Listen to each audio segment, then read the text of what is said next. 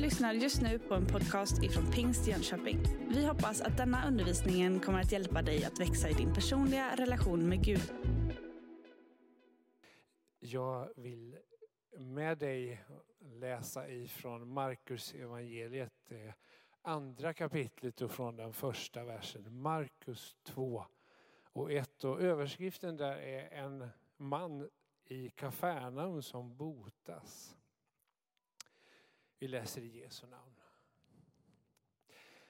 Några dagar senare så kom han tillbaka till Kafarnaum och det blev känt att han var hemma. Det samlades så mycket folk att inte ens platsen utanför dörren räckte till längre. Och han förkunnade ordet för dem. Men då kom de dit med en lam man som bars av fyra män. Eftersom de inte kunde komma fram till Jesus i trängseln så bröt de upp taket ovanför honom och firade ner bädden med den lame genom öppningen. När Jesus såg deras tro så sa han till den lame, mitt barn, dina synder är förlåtna. Nu satt där några skriftlärda och de tänkte för sig själva. Hur kan han tala så? Han hädar ju. Vem kan förlåta synder utom Gud? Jesus förstod i sin ande vad de tänkte och sa till dem. Hur kan ni tänka så i era hjärtan? Vilket är lättast att säga till den lame, dina synder är förlåtna. Eller att säga, stig upp, ta din bädd och gå. Men för att ni ska veta att Människosonen har makt att förlåta synder här på jorden så säger jag dig. Och nu talade han till den lame. Stig upp, tag din bädd och gå hem. Och mannen steg upp, tog genast sin bädd och gick ut i allas åsyn så att de häpnade och prisade Gud. Och de sa, aldrig har vi sett något sådant. Det finns ett mönster i evangeliernas berättelse om tro. Nämligen att tro inte handlar så mycket om att säga utan att göra. Mer handling än ord. Och Jesus talar inte så mycket om tro. Han praktiserar mycket tro i Nya Testamentet. Det är som att orden aldrig kan mäta sig med det konkreta uttrycket i handling. Och när Jesus ändå ska säga något om tro så gör han det oftast i form av en liknelse. I en liknelse så säger Jesus att tron är som ett senapskorn. Så litet att man nästan inte ser det där det ligger i handflatan. Så berättar Jesus att om detta lilla frö får gro och växa upp så växer det och blir så stort så att himmelens fåglar flyger dit och bygger sina bon i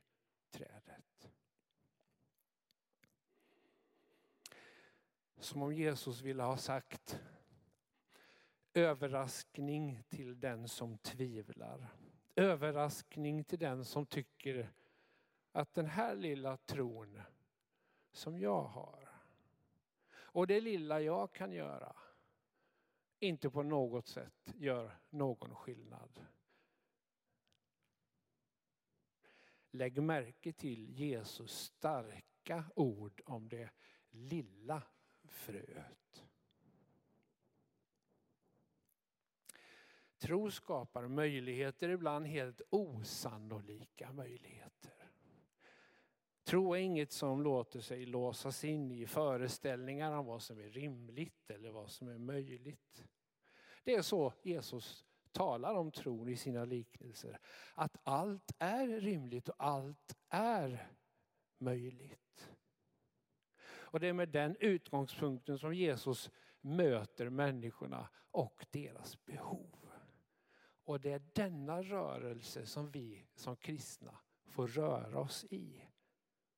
Att möta varandra som de människor vi är utan att först och främst förändra varandra. Utan istället se varandras behov.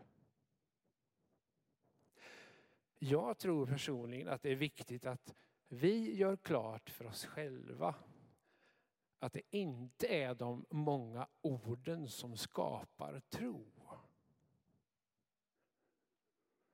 Trons utgångspunkt det är istället en tillit till Jesus Kristus. Tron på att han är beredd att göra det han har lovat.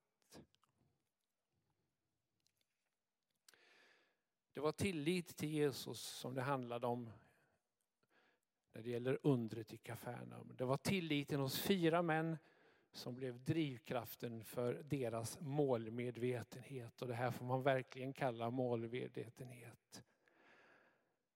Det var verkligen ingenting som kunde hindra dem.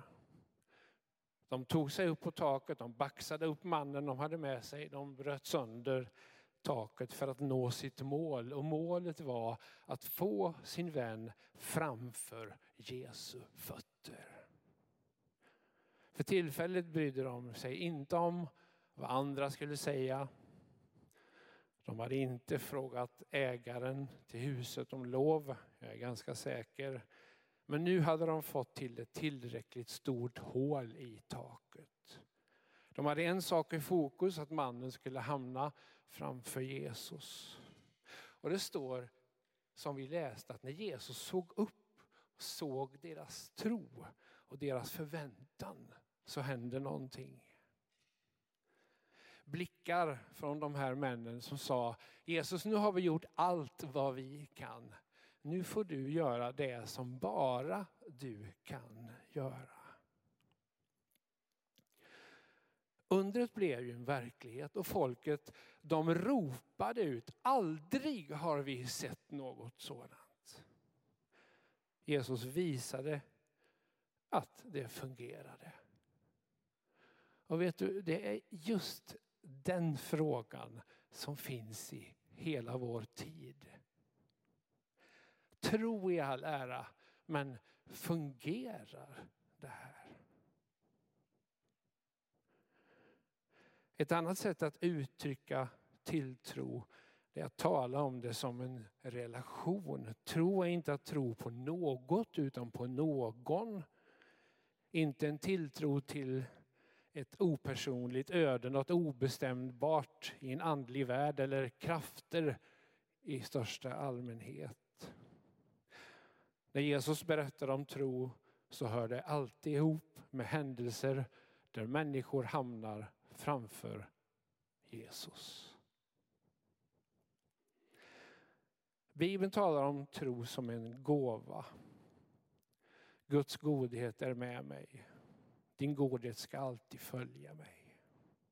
Gud ger av sitt goda och han ger långt utöver det vi tycker är rimligt och möjligt.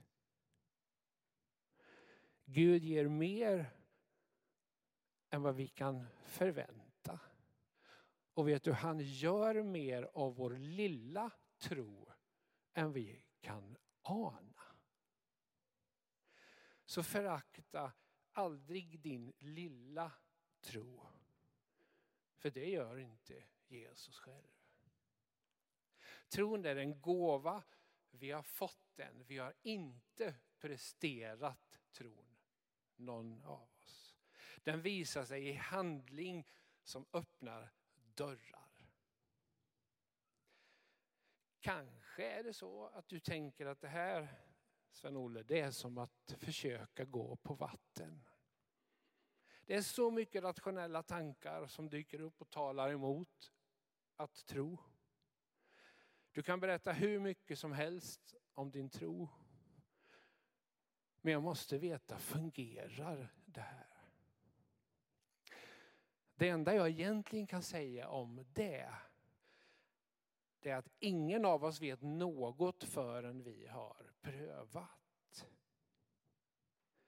din egen erfarenhet av tro, liten eller stor, svarar på fler frågor än vad alla andra människor kan göra för dig. En människas första bön är ett stort steg i tilliten till Jesus. Även om den är kort och till och med ordlös. Den är ett enormt kliv, den första bönen. Utifrån den lilla tron. Med frågan, fungerar det här? Om inte de fyra männen hade vågat pröva utan funderat över vad alla andra skulle säga om det här så hade vi inte haft berättelsen som vi läste om från Kafarnaum. Genom fyra vänners tro på Jesus, fyra vänners tillit till Jesus så öppnades vägen fram till Jesus där som det var så trångt. Och han kunde göra mannen frisk. Jesus såg deras tro. Han vände sig till den lame mannen och sa inte för att fråga honom om hans tro, om den var stor eller liten. Utan för att förlåta honom hans synder och ge honom förmågan att gå igen. Vet du, ingen bibeltext säger något om att den mannen hade några specifika synder som han bar på. Snarare var det mer allmänhetens uppfattning om att han hade sin sjukdom på grund av sina synder. Det som hände framför Jesu fötter gjorde en oerhört stor skillnad. Vännernas tro gjorde allt annorlunda i en väns liv. Deras tillit till Jesus öppnade dörren till Guds rike.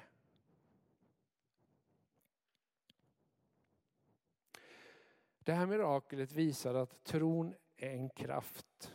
Den lilla tron som hos den sjuke eller den större tron hos hans vänner. Det var varken den sjuke eller hans vänner som gjorde själva miraklet. Det är Gud som gör miraklet. Det är alltid han som gör det. Det är en gåva från honom. Hans godhet följer oss. Men vännernas tillit till att Jesus var med dem öppnade för miraklet. Vet du, I Markus 4 och 35 fram till vers 41 så finns berättelsen om när lärjungarna förtvivlat skakar liv i Jesus när han ligger och sover i båten mitt i en livsfarlig storm.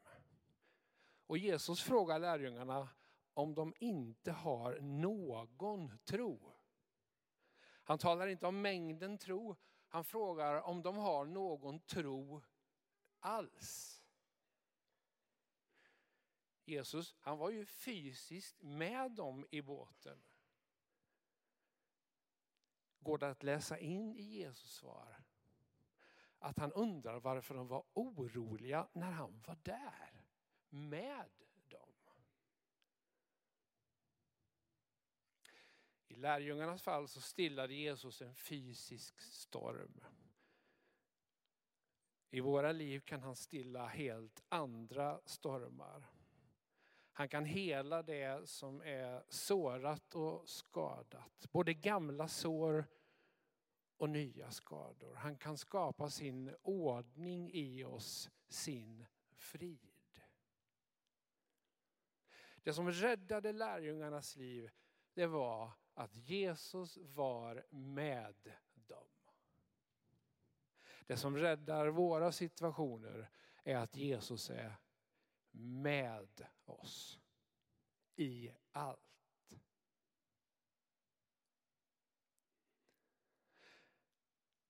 Vi ska nog först och främst sträva efter en tro på att han är med oss i allt. Och utgå ifrån den tron.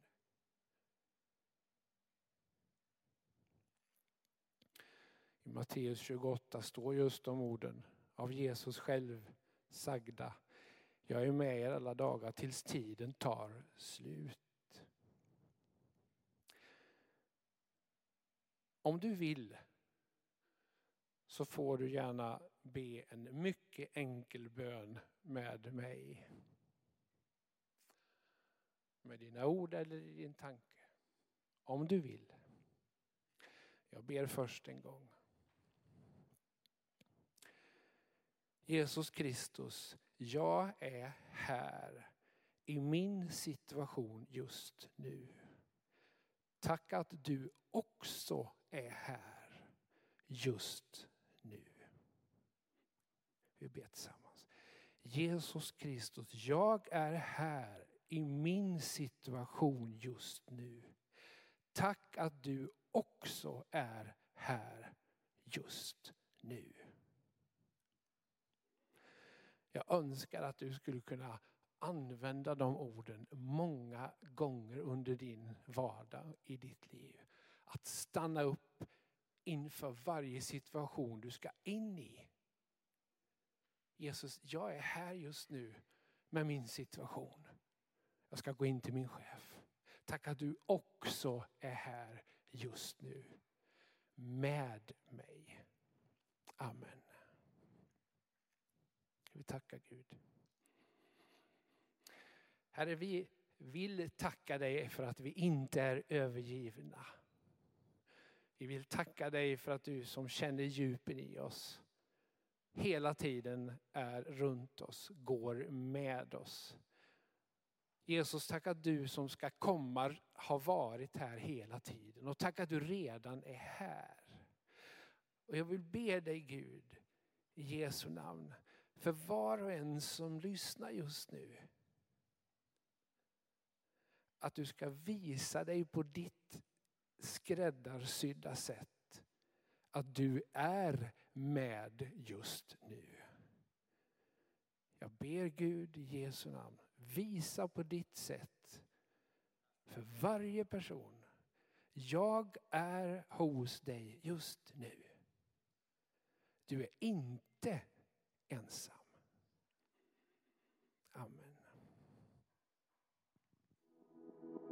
Du har just lyssnat på en podcast ifrån Pingst Jönköping. För att få reda på mer om vilka vi är och vad som händer i vår kyrka så kan du gå in på pingstjonkoping.se eller följa oss på sociala medier via pingstjkpg.